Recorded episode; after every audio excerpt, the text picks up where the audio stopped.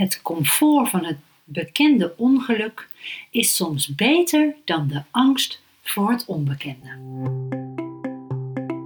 In de Mandala Creatiekracht podcast combineer ik creativiteit met praktische spiritualiteit om jou te helpen transformeren tot een stralende wonderwoman die weer barst van de energie. Deze podcast is voor jou als je een zelfbewuste vrouw bent die klaar is om het roer van haar leven weer helemaal in eigen hand te nemen. Ben jij ready for your reset? Let's go!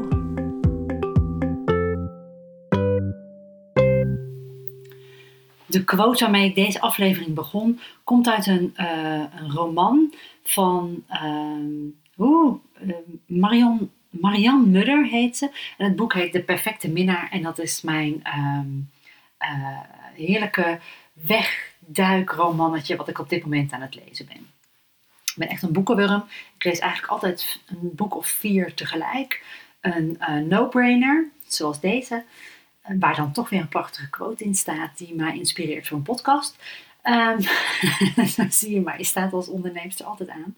Ik lees altijd een businessboek, uh, ik luister altijd naar een boek. En ik heb altijd nog iets op mijn e-reader aanstaan, waar ik op dit moment Wijsheid van de Heks van Suzanne Smit lees. En volgens mij zijn Suzanne Smit en Marianne Mudder zelfs eigenlijk vriendinnen. Dus dat is dan wel weer grappig, maar dat weet ik niet zeker.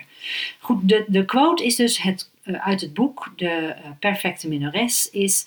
Het comfort van het bekende ongeluk is soms beter dan de angst voor het onbekende hij zette, mij, hij zette iets bij mij aan. Ik heb hem eh, opgeschreven, genoteerd. Uh, ik lees dan uh, dit boek s'avonds voor ik ga slapen, want dan heb ik mijn aandacht niet meer nodig. En dan kan ik juist eigenlijk afdwalen, hè, mezelf een beetje uitzetten. Maar deze quote ging ik even op aan, dus dan noteer ik hem. En uh, de volgende ochtend, ik schrijf altijd morning pages. Ik weet niet of je dat kent. Korte toelichting. Ehm, het boek The Artist's Way van Julia Cameron uh, zal ik vaker noemen, maar daarin zijn, is eigenlijk het gouden ingrediënt is uh, de morning pages. Op het moment van wakker worden, gaan schrijven. Minstens 10 minuten of drie A4'tjes. En schrijven over wat dan ook. Uh, een vraag die je bijvoorbeeld de vorige avond hebt opgeschreven. Uh, beginnen over het wordt vandaag een regenachtige dag en dan wat dat met je doet. Of uh, je mag ook helemaal afdwalen, het zijn jouw pages. En uh, soms is het net een lief dagboek en soms komen er, nou, ontstaan er hele cursussen uit, zoals bij mij, businessplannen, inzichten. En ja, soms blijft het echt hangen bij, ik heb gisteren heerlijke spaghetti gegeten. Nou, maakt niet uit, dat zijn de morning pages. Dus ik had die quote, ik schreef die quote op het comfort van het bekende ongeluk is soms beter dan de angst voor het uh, onbekende. Um, ik ging daarop aan omdat ik gelijk dacht: hier wil ik meer over zeggen. En um, uh, wat je het woord comfortzone is een woord dat ik wel vaker in de mond neem. En dat is nou niet per se omdat het een heel sexy term is. Maar um, uh, ja, ik, ik, soms is het heerlijk om daarin te vertoeven, hè, in je comfortzone. Maar we weten ook dat als we uh, een, een, beetje plezier in het leven willen, een beetje uitdaging in het leven, als we dingen willen veranderen, dan zullen we daaruit moeten stappen. En dat hoeft niet met een big leap te zijn. Dat kan ook gewoon net even je teen in het water zijn om te voelen van, oh is het heel koud, is het heel warm, voelt het misschien toch wel even lekker nu, heb ik dit nodig? Um, en uh, comfortzone en creativiteit gaan ook samen. Uh, um, je creatieve groei ligt er maar in om uh, creatief te zijn, bezig te zijn. En uh, heel vaak is het al een drempel voor mensen om zichzelf de tijd te gunnen voor creativiteit. En om daar dus mee aan de slag te gaan. En dus eigenlijk om zich in die oncomfortabele zone van een wit velpapier en een potlood en een soort, wat ik noem, witte bladvrees te hebben. Van ja, nu moet ik beginnen en waar dan? En dat is eigenlijk met al het onbekende zo. Ik wil beginnen, ik wil iets veranderen, maar waar begin ik dan? Um, dat is eigenlijk ook waar ik uh, het vaker over wil gaan hebben. Waar kun je dan beginnen? Waar wil je nou naartoe? Hoe weet je nou waar jij naartoe wil? Nou, het comfort van het bekende ongeluk is soms beter dan de angst voor het onbekende. Nee, het is niet beter. Dat is ook niet hoe, hoe het bedoeld wordt in deze zin, in, in de context van het boek. Maar ehm, hoeveel mensen zitten er bijvoorbeeld niet in een relatie waarin ze zich niet per se meer gelukkig voelen? Maar dat ongelukkige gevoel kan zelfs je comfort zijn. Ehm, de kans op je anders voelen kan alleen als jij iets verandert. En verandering, daar houden mensen nou over het algemeen niet zo van. Maar ehm, ik hoorde onlangs een hele korte zin aan het einde van een podcast die ik luisterde, waar Jan van Zetten te gast was. En die zei: Persoonlijk leiderschap, dat is eigenlijk, ja, het ligt aan mij. En hij is echt zo'n Rotterdammer, dus hij zei misschien wel: het ligt aan mij. Ehm, maar als jij de kans wil hebben om je in wat voor situatie dan ook anders te voelen, dan zul je dus iets moeten veranderen. En dan zul je dus je persoonlijk leiderschap op moeten pakken om je kans op een gelukkiger gevoel te vergroten. Om uit die soms comfortabele slachtofferrol te stappen en het roer in eigen hand te nemen. Iets aan dat comfort van ongeluk te doen. Voel je wat ik bedoel? Zoek het niet bij een ander. Uh, een ander hebben we niet aan het touwtje. Leg daar de verantwoordelijkheid niet neer. Want als je daar de verantwoordelijkheid neerlegt, dan leg je ook de kracht en al helemaal de macht voor jouw geluk bij een ander. die, die ander iets anders laten doen, uh, daar heb je gewoon niet zo'n invloed op als op zelf anders over dingen denken of zelf andere acties ondernemen. Daar heb je veel meer uh, macht over. En die macht, die wil je toch niet weggeven, die wil je toch bij jezelf houden. Nou ben ik de laatste om te zeggen dat het snel en simpel kan. Uh, soms misschien wel, maar veranderingen, ja, dat heeft nou eenmaal tijd nodig. En uh, uh, vooral eigenlijk um, nou, discipline niet, daar ben ik wars van, dat heb ik niet ook zelf. Maar wel echt de wil om iets te veranderen. Uh, innerlijke veranderingen al helemaal, dat heeft echt tijd nodig. En dan kun jij nog wel veranderen, maar dat, dat willen anderen natuurlijk in eerste instantie eigenlijk liever niet. Want wat voor jou dat, dat comfortabele in dat je niet zo gelukkig voelen is, is voor die ander misschien wel een bedding om zich wel heel lekker te voelen. Want als jij maar bent zoals je bent, dan is dat voor die ander misschien wel heerlijk. En als jij gaat veranderen, dan verandert er voor die ander, zeker in een liefdesrelatie, maar vaak ook in vriendschapsrelaties of werkrelaties, verandert ook iets als jij begint te veranderen. Um, ik wil daar vandaag eigenlijk een beetje een, uh, een voorbeeld uit eigen doos voor doen. En dat was uh, eigenlijk een voorbeeld waarin ik ging veranderen voor een ander. Dat is nog een stapje meer macht weggeven dan wanneer je al in een situatie zit waar je je niet lekker voelt. Ik liet me in een situatie zetten waarin ik me niet lekker voelde. En inmiddels zit daar helemaal geen wrok meer op of iets dergelijks. Ik ga je ook beloven, dit verhaal loopt goed af. ik zit immers hier en ik heb iets te vertellen. Um, stel, een ander vindt iets niet goed aan jou of vindt iets niet fijn aan jou en die wil dat veranderen. Dat is niet aardig, toch? Maar hoe vaak heb jij nou gedacht of tegen iemand gezegd: Goh, ik zou wel willen dat je iets meer dit. Of als je nou iets minder van dat. Hè, snap je, hoe vaak heb je dat niet tegen iemand anders gezegd? Dus dat, dat, je, uh, dat iemand dat tegen jou zegt, uh, is niet aardig. Maar je doet het eigenlijk zelf misschien ook wel een beetje. Nou, een voorbeeld uit eigen leven. Ik uh, zat al een paar jaar in een baan, een drukke baan, een logistieke baan. Ik, ik, ik heb hiervoor, mocht je de, de eerste afleveringen nog niet geluisterd hebben, ik heb voordat ik begin 2022 100% als zelfstandig ondernemer aan de slag ging bij de Mandelenacademie, um, ehm, 25 jaar in de logistiek gewerkt. En uh, ik deed dan het kantoorwerk, dus planningen, vervoersplanningen, transportplanningen, voorraadplanningen, nou, dat soort dingen in grote lijnen. En um, als je mij wel al een poosje volgt, dan weet je, ik ben niet die rustige, timide, uh, stilzittende persoon. En dat was ik ook niet op kantoor. En op kantoor werkten wij in blokken van uh, twee. Er stonden twee bureaus tegenover elkaar. En zo stonden er dan drie of vier van die blokken in één ruimte. En ik werkte in een kantoor met uh, vier van dat soort blokken aan het einde van een gang. Als ik een lachbui had, dan deden ze aan het begin van de gang, drie kantoren verder, soms de deur dicht. Ik zou zeggen, laat hem lekker open, geniet van die energie. Maar ik snap ook, als jij in je concentratie zit, dat dat ontzettend af kan leiden als ik begin te lachen. Want ik ga je zeggen, zover klinkt dat. Um, het was een drukke baan, heel veel stress. En voor mij is lachen dan echt een uitlaatklep om even die druk eraf te halen.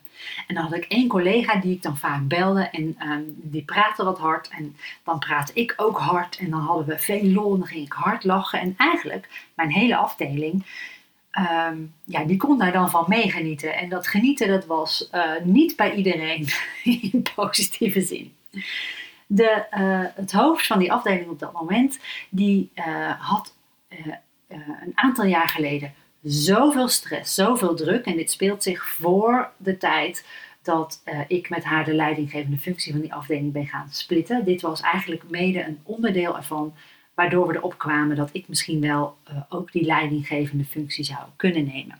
Ze had veel stress, veel drukte, ze zat echt tegen het overspannen aan. En toen ging ze een gesprek met mij aan en toen vroeg ze aan mij: Kim, wil je alsjeblieft wat minder hard aanwezig zijn? Want ik kan mijn werk niet goed doen. Ik kan me niet concentreren. Um, uh, ik, ik, het, ik, ik kan me er niet voor afsluiten. Ik kan gewoon mijn werk niet goed doen als jij bent wie je bent. Daar kwam het in grote lijnen op neer. Ja, wat doe je als jouw manager dat tegen je zegt? Ik was op dat moment niet stevig genoeg in mijn schoenen om te zeggen: ja, maar hey, luister eens. Ehm, of zullen we dan uh, iets aan de situatie veranderen? Nee, ik dacht gelijk, oh wat erg. Ja, dat moet dan wel aan mezelf veranderen. Dus ik kroop eigenlijk in mijn schulp. Zo zou je het kunnen zeggen. En ik herinner me niet of ik dat bewust heb gedaan. Dus is het antwoord waarschijnlijk nee, dat heb ik niet bewust gedaan. Maar ik ben me wel aan gaan passen. Ik ben wel dat ik soms dacht, oh, even wat minder als ik die en die wil bellen, dan ga ik even in een andere ruimte zitten, want dat gaat er nogal luidruchtig aan toe. Dus ik kroop in mijn schulp en eigenlijk werd ik minder en minder en minder mezelf. Nou, ehm, werd ik daar gelukkig van? Nee. Je kan zeggen dat ik daar niet gelukkig van werd. Nu kan ik heel gemakkelijk haar daar de schuld van geven, van dat ongelukkige gevoel. Maar die verantwoordelijkheid van dat ik ervoor koos om voor haar te veranderen, lag bij mij. Ik gaf een ander de toestemming om dit over mij te zeggen en ik paste me nog aan ook. Resultaat? Het ging uh, slechter op de afdeling, kan ik je vertellen. Het ging niet beter met haar en het ging al helemaal niet beter met mij. Tot ik doorhad wat er aan de hand was en wat er gebeurde. Nou, toen ben ik teruggegaan naar mezelf en eigenlijk naar mijn, wat ik dan noem, mijn gedoofde lichtje. En daar ben ik weer vuur aan gaan geven. En ik ben een gesprek aangegaan. Um, en nou, eigenlijk werd het gesprek geïnitieerd ook weer door haar. En ik meen dat het zelfs mijn functioneringsgesprek was of iets dergelijks. Waardoor ze zei, Kim, je bent jezelf niet. Toen zei ik, ja, vind je het gek? Zullen we eens even teruggaan naar ons vorige gesprek? En die gesprekken worden gedocumenteerd, dus dat hadden we. En uh, uh, we kwamen eigenlijk tot de conclusie, nou verhip. Uh, hè, jij hebt gedaan wat ik van je heb gevraagd. En moet je nou kijken waar we zijn. We zitten op, een, nou laten we bijna zeggen, firma troosteloos. Want de energie, de energie was uit de afdeling. De positiviteit raakte uit het werk. Um, en ik heb mezelf 100, nou misschien wel 360 graden, maar in ieder geval 180 graden veranderd. In plaats van een klein beetje mezelf bijschaven, heb ik gewoon dat licht gedoofd. Uh, ik zeg nu gewoon, is natuurlijk niet gewoon. En um, ik ben namelijk ook wel iemand van uiterste. Ik kan dingen niet zo goed half of op 50%. Het is uh, all in of all out. Uh, uh, en dat wil ik heel graag in mezelf veranderen. Ben ik ook mee bezig. Maar dit is zo'n voorbeeld waarin ik gewoon all out ging. Ik dacht, nou, eigenlijk dacht ik misschien wel, als je het zo wil hebben, je het zo krijgen. We kwamen dus tot de conclusie dat omdat mijn lachsalvo's minder waren, mijn energie minder was. Dat eigenlijk de, uh, de energie van de afdeling ook wat minder was. En dat het met haar ook niet beter ging. Want hoewel zij het misschien vijf van de tien keer als iets negatiefs ervaarde dat ik luidruchtig was, zullen we het zo even zeggen. Uh, was het toch ook de andere vijf keer natuurlijk wel, ja, als je iemand hoort lachen. Uh, als je zelf niet lekker in je vel zit, is dat rete irritant. Maar het kan je er ook uittrekken. Het kan je ook positiviteit geven. Dus ik ben teruggegaan naar mezelf. Ik heb mijn gedoofde lichtje weer vuur gegeven. En uiteindelijk dus, als je de podcast luistert uh, waarin ik mezelf voorstel, promotie gemaakt naar ook teamleider zijn van die afdeling over het menselijke aspect, zeg maar. Waarmee ik wil zeggen dat in negatieve ervaringen ook de mogelijkheid zit voor een positieve ervaring en voor veranderingen. Dus pak de regie terug. Stap uit het comfort van die ander. En eigenlijk uit het comfort van die, het die ander naar de zin maken. Als jij op dit moment in een situatie zit waarin je je comfortabel voelt in je ongeluk, waar ik die, die quote waar ik mee begon, um, uh, kijk dan eens of je dat, die regie terug kunt pakken, of je die macht terug kunt pakken en um, het, uh, het voor jou zo kunt veranderen dat je eigenlijk ook voor die ander wel weer iets positiefs in gang zet. Want het positieve hieraan was dat ik bij haar de druk verlichtte van, verlichtte van het teamleider zijn over een groep mensen waar, haar kracht gewoon niet lag. Zij is een cijfermatig persoon. Ik ben een mensenmens. We hebben gewoon elkaar in de kracht gezet en elkaar een functie gegeven waarin we allebei konden bloeien. Dat wisten we niet op dat moment. Dus het is een gevolg geweest van dat ik heb gezegd: ik pak de macht terug, ik pak de regie terug, ik word weer mezelf. En ehm, ja, voor mij was dat op het moment eigenlijk. Het moment waarop ze mij vroeg om anders te worden, was het eigenlijk een makkelijke keuze om dat dan te worden. Maar ik heb toch wel een grote prijs betaald. En achteraf toch ook wel weer een grote beloning gekregen. Maar dat was pas toen ik ervoor koos om uh, mezelf niet meer te doven en die ander niet meer de macht over me te geven eigenlijk. Het comfort van het bekende ongeluk is soms beter dan de angst voor het onbekende. En dan met beter wordt niet bedoeld dat het beter is, maar soms voel je zo van ja, ach ja, nu weet ik wat ik heb. Weet ik veel wat er aan die andere kant ligt. Dus ik hou het maar zo. Oh, zonde! Ga denken. Wie of wat laat jij nu nog je vuur doven? Welk kleine stukje regie kun jij vandaag besluiten terug te pakken? Um,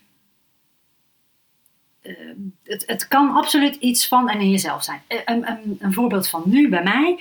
Uh, ik, begin dit jaar was ik ontzettend goed aan het sporten. Lekker aan het hardlopen.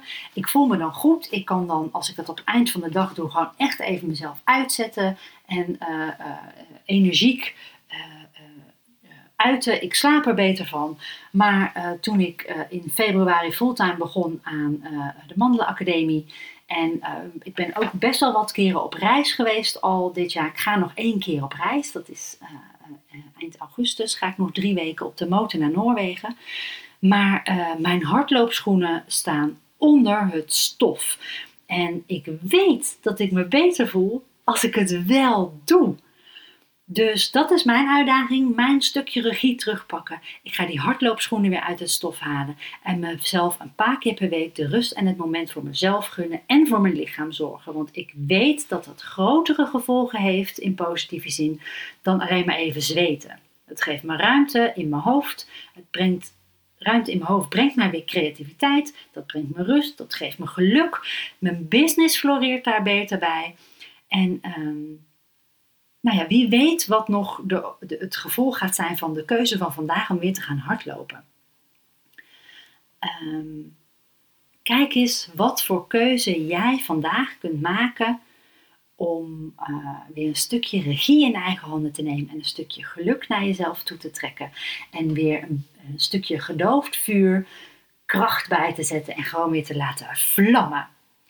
Je weet nooit waar de rimpels heen leiden van de steen die je gooit of verlegt. Dat uh, is ook zo'n dingetje. Hè? Dus um, ja, dit wilde ik vandaag met je delen.